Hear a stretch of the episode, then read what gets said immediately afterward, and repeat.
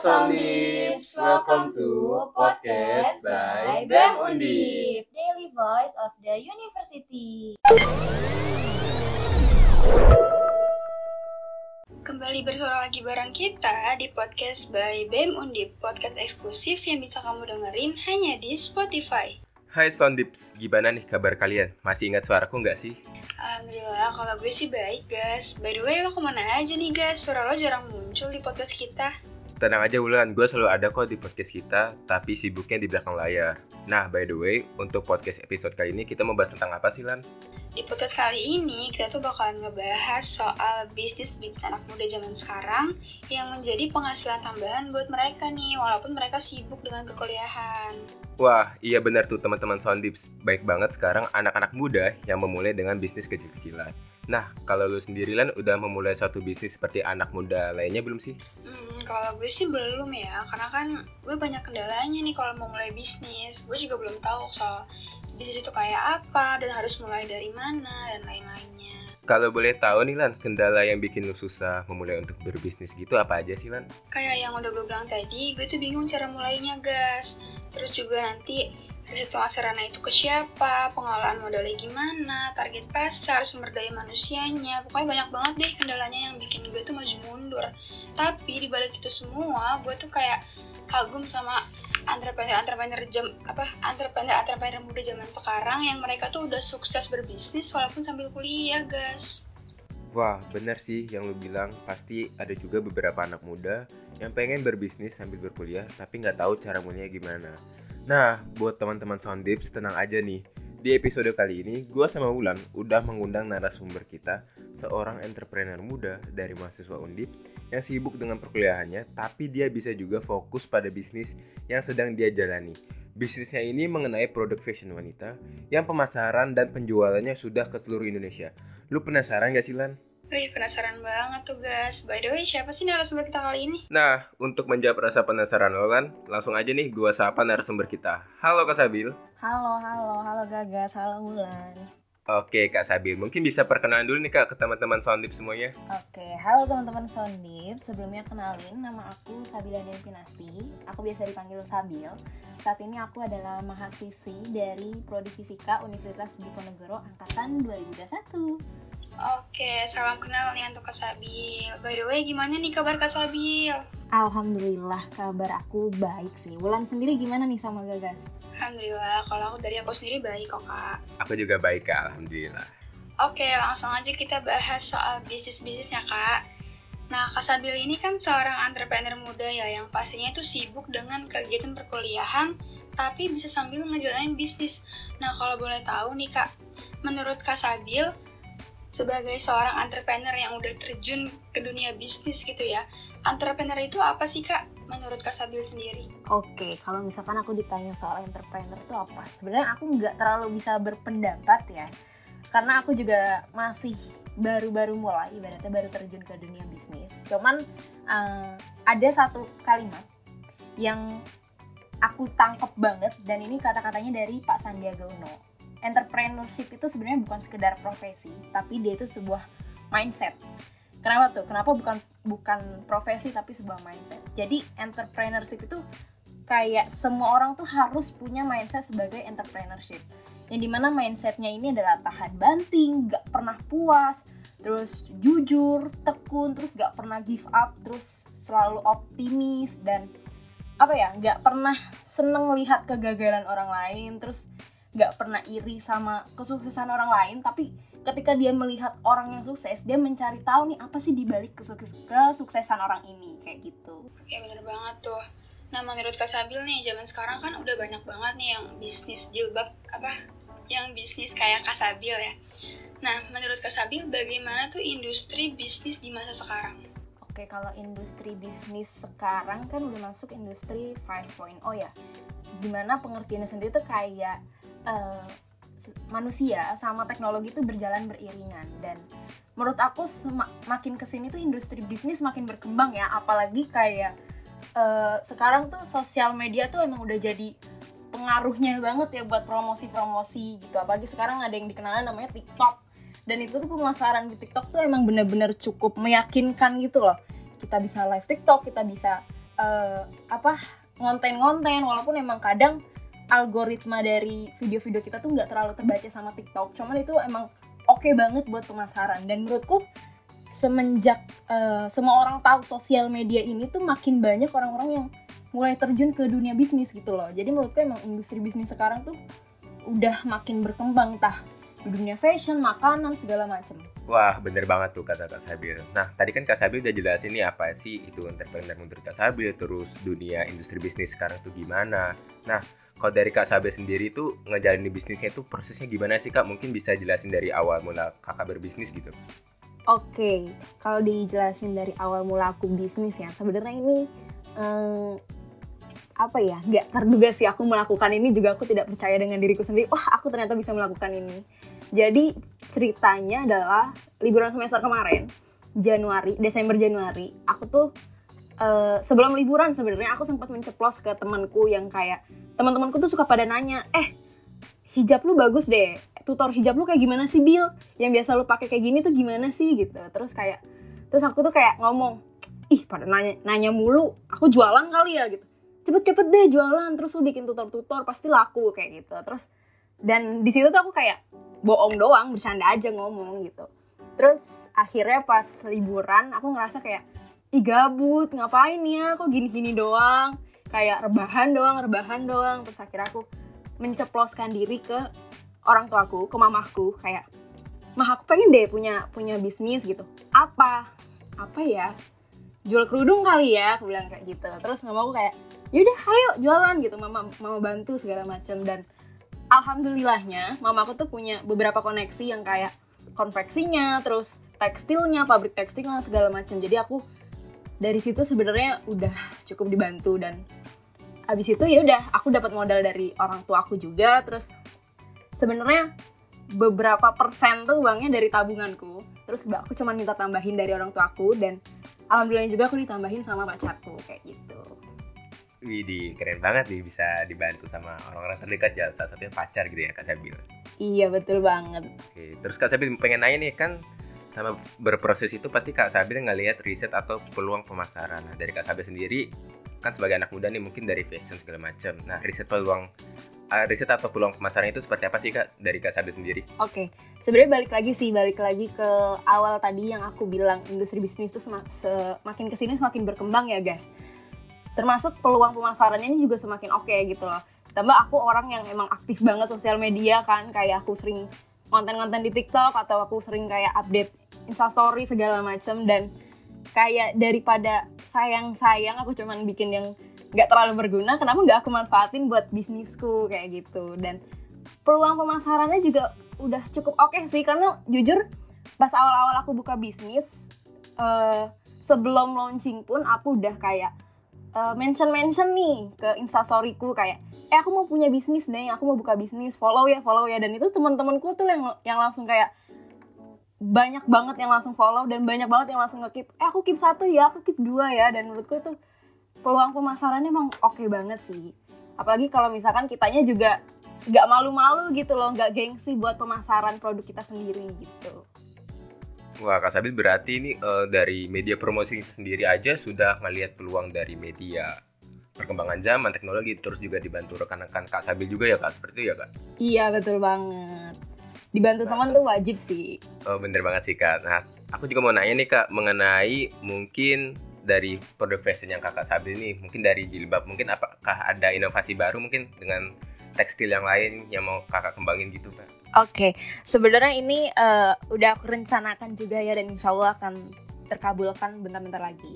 Jadi uh, emang mungkin awal-awal ini aku masih soal hijab dan ke depannya aku juga masih ada dua produk hijab yang mau aku launching. Tapi ke depannya aku bakal uh, bikin baju. Karena kebetulan banget aku juga suka desain-desain baju, desain-desain rok kayak gitu. Dan balik lagi sih aku ngeliat tren-tren anak sekarang. Kayak anak-anak sekarang tuh apalagi cewek ya gampang banget ditebaknya. Kayak sukanya tuh lagi suka eh model-model kayak gimana sih? Kayak gitu. Itu gampang banget tuh. Jadi mungkin ke depannya aku bakal gak cuman di hijab doang tapi aku ke fashionnya juga kayak ke baju ke celana ke rok segala macem Oke kak, berarti kak, kak Sabi ini juga ngelihat uh, target pasarnya nih berarti dari anak-anak muda pengen model bajunya seperti apa atau model jilbabnya seperti apa seperti itu ya kak? Iya bener banget. Nah kak, aku juga mau nanya nih kak mengenai uh, dari pemasaran kakak kak Sabil tadi yang kak Sabil bilang pemasaran itu udah sampai mana sih kak? Apa seluruh Indonesia atau mungkin hanya beberapa di daerah di daerah ini cuma dari yang aku lihat sih mungkin udah sampai seluruh Indonesia ya kak? Iya, ini udah sampai seluruh Indonesia. Bahkan aku inget banget pertama kali aku pernah pertama kali live TikTok itu eh, produkku tuh udah langsung terjual 11 sampai 20 apa? Aku lupa pokoknya 10 sampai 20 pieces. Dan itu yang pertama pertama tuh justru yang malah dari Kalimantan, dari Nusa Tenggara, dari kayak Papua yang daerah-daerah Jawa tuh malah nggak ada dari live TikTok aku. Jadi makin ke sini udah ya udah seluruh Indonesia sih alhamdulillahnya ya. Oh, alhamdulillah banget tuh kak. Keren banget nih. Nah dalam berbisnis itu kan pasti kak Sabil ada tantangannya ya. Nah kalau dari kak Sabil sendiri nih kira-kira apa sih kak tantangan yang uh, paling berat menurut kak Sabil atau kendala-kendalanya dari awal hingga sampai sekarang ini? Dan bagaimana caranya kak Sabil untuk bisa mengatasi kendala tersebut? Oke. Kalau misalkan ngomongin kendala uh, sebenarnya belum ada ya kendala yang benar-benar berat. Paling kendala terberatnya ya emang uh, dari diri aku sendirinya sih susah banget. Maksudnya kayak biasanya orang yang buka bisnis kan emang langsung ya full gitu loh terjun full ke dalam bisnisnya. Sementara aku tuh masih benar-benar belum bisa full karena ya itu tadi aku harus memanajemen waktuku antara aku kuliah terus aku kan juga organisasi terus aku harus ikut aktivitasku yang kepanitiaan segala macem kayak gitu. Dan jadinya tuh kayak ya udah aku menjalankan bisnisku tapi aku nggak terlalu full fokus ke dalam bisnisku. Jadi kayak kalau ada kesempatan luang aku baru membantu bisnisku. Kayak udah sampai mana udah sampai mana kayak gitu. Paling itu sih kendalanya dari aku. Oke kak, tadi itu kan mengenai kendala kakak secara pribadi gitu ya kak. Nah, mungkin dari secara pribadi kakak mungkin permasalahan di perkuliahan sama di bisnis. Nah kak, kalau menurut Kak Sabil sendiri, cara Kak Sabil atau ilmu yang Kak Sabil dapat lah dari referensi, referensi lain mengenai bisnis sambil berkuliah. Nah, itu cara memanajemen, memanajemen waktu sama memprioritaskan antara berkuliah dan berbisnis itu seperti apa menurut Kak Sabil? Dan juga Kak, uh, sekaligus nih aku mau nanya, apakah worth it buka bisnis di usia muda sekarang Kak? Seperti itu. Oke, okay. uh, eh, cara memanajemen waktu ya. Uh, ini aku balik lagi sih ke kendalaku sebelumnya adalah diriku sendiri. Cuman di awal-awal emang aku agak susah untuk manajemen waktu aku sendiri tapi semakin lama kan aku udah terbiasa jadi aku bisa memanajemen waktuku sendiri. Yang pasti fokusku pertama adalah kuliah karena orang tua aku jauh-jauh uh, ngerantauin aku ke Semarang itu tujuannya untuk kuliah untuk akademik. Terus aku ikut organisasi aku menjalankan tugasku dan bertanggung jawab kepada organisasiku tapi secara nggak langsung aku juga uh, terjun ke bisnisku. Dan karena aku tahu kapasitas diriku kayaknya nggak terlalu apa ya nggak terlalu baik untuk terlalu eh untuk terlalu masuk ke dalam bisnisku gitu. Jadi aku akhirnya ngebujuk ngebujuk pacarku untuk kayak ayo dong bantuin aku ayo dong turun ke bisnisku mau dong please please please gitu. Terus akhirnya cowokku kayak oke okay, aku mau gitu. Dan apalagi kan aku di Semarang nih ya aku kuliahnya di Semarang. Sementara bisnisku ini di Tangerang gitu loh di kotaku dan pacarku sendiri posisinya di Tangerang kan kerjanya. Jadi dia kayak yang menghandle segala macam di Tangerang. Entah dari konveksinya dari tekstilnya segala macam. Dan aku yang di Semarang aku uh, menghandle keuangannya terus kayak promosinya segala macam. Kayak gitu sih. Terus kalau ditanya nih guys worth it gak buka bisnis di usia muda? Jawabannya worth it banget. Worth it banget guys. Mungkin kalian bakal ngerasain capeknya kalian bakal nangis nangisnya kayak aduh nggak bisa deh capeknya segala macam atau kalian bakal ngerasain kayaknya salah deh atau ada rugi-ruginya dikit itu nggak apa-apa banget gitu loh. Karena justru itu bisa jadi pembelajaran buat kalian gitu loh kayak rugi-ruginya tuh pasti nanti kalian udah udah ngerti itu loh jadi pembelajaran sendiri. Dan ya udah abisin waktu capek kalian tuh pas di usia muda kayak gini biar nanti ke depannya tuh kalian udah bisa enak lah kalian udah punya pegangan sendiri. Terus kalau misalkan nanti kalian lulus kuliah mau kerja kita nggak pernah tahu kan nanti uh, pas mau masuk dunia kerja sesusah apa tuh kita nggak ada yang tahu. Jadi kayak selagi menunggu misalkan kalian ngelamar-ngelamar kerja kan kalian bisa fokus ke bisnis kalian sendiri. Terus ditambah lagi kalian udah punya investasinya kalian sendiri gitu loh buat kalian ke depan jadi jawabannya worth it banget dan wajib dicoba sih Oke, betul tuh kata Kak Sabi ya, teman-teman Sondip semuanya. Nah, Kak Sabi, aku juga pengen nanya nih Kak, menurut Kak Sabi sendiri untuk uh, pandangan ke depan nih Kak, dari bisnis Kak Sabi ini apakah yakin bakal percaya uh, bisnisnya akan lanjut terus, apa mungkin uh, di suatu hari nanti bakal ngerubah suatu bisnis dengan metode yang lain seperti itu Kak? Oke, kalau ditanya bakal ngerubah bisnis dengan metode yang lain, mungkin aku nggak bisa meyakinkan itu sih, tapi mungkin pasti ada perubahan ya. Perubahannya entah kayak kita mengikuti perkembangan zaman juga kayak promosinya kan semakin tahun eh bertahun-tahun kan kayak berbeda gitu kan kita nggak ada yang tahu. Tapi kalau misalkan aku tetap menjalankan bisnisku apa enggak aku harus tetap menjalankan bisnisku sih. Karena ini yang udah aku bangun dan aku nggak mau bisnisku ini tuh sampai apa yang udah aku bangun tuh jatuh gitu loh. Jadi aku harus mempertahankan ini. Karena balik lagi tadi aku terpacu sama katanya Bapak Sandiaga Uno bahwa entrepreneur itu bukan sekedar profesi tapi itu itu juga sebuah mindset gitu loh mindsetnya yang tahan banting dan gak pernah nyerah itu sih Wah betul banget tuh guys kata Kak Sabil. Nah dari sejauh ini pengalaman Kak Sabil terjun ke dunia bisnis, uh, kira-kira uh, boleh dong nih Kak Sabil kasih sedikit pesan dan harapan untuk teman-teman undip yang mungkin ingin memulai bisnisnya tapi mereka tuh takut mau mulai dari mana, terus juga takut nanti bisnis itu nggak laku atau nggak berjalan dengan lancar dan lain sebagainya. Boleh dong Nika kasih sedikit pesannya. Oke, pesan ya buat teman-teman Soundips yang dengerin ini. Kalau kalian mau buka bisnis, saran aku sih jangan malu, jangan kebanyakan gengsi lah ya. Dan kalau misalkan kata karena jual Sihab, mungkin Wulan sama Gagas sudah dengar nih, kayak anak muda tuh urat malunya jangan terlalu kenceng. Kenapa takut malu kalau kalian melakukan yang gak merugikan orang lain gitu loh? Justru stok malu-maluin kalian itu dihabisinnya di sekarang nih di masa muda kalian biar nanti masa tua kalian tuh gak malu-maluin gitu loh. Terus apa ya gak usah kebanyakan bingung. Mulai dari mana mulai dari mana gitu. Dan sekarang tuh motivasi-motivasi kalian untuk membuka bisnis tuh udah gampang banget dicari di mana-mana entah di sosial media mana pun kalian bisa cari itu gitu loh. Tapi kat, ganti kata-kata mulai dari mananya itu jadi mulai aja dulu. Mulai aja dulu pelan-pelan curi start dari teman kalian biar nanti kalian tuh suksesnya lebih dulu terus nanti kalian mungkin leha-lehanya juga bisa lebih dulu karena investasi kalian udah banyak kayak gitu. Terus jangan takut salah ambil langkah kita belajar dari kesalahan kita karena itu bisa jadi pembelajaran juga buat kita terus apa ya you have to take the chance, you have to take the opportunity. Jadi jangan sia-siain masa muda kalian teman-teman. Ayo mulai bisnis kita dari sekarang.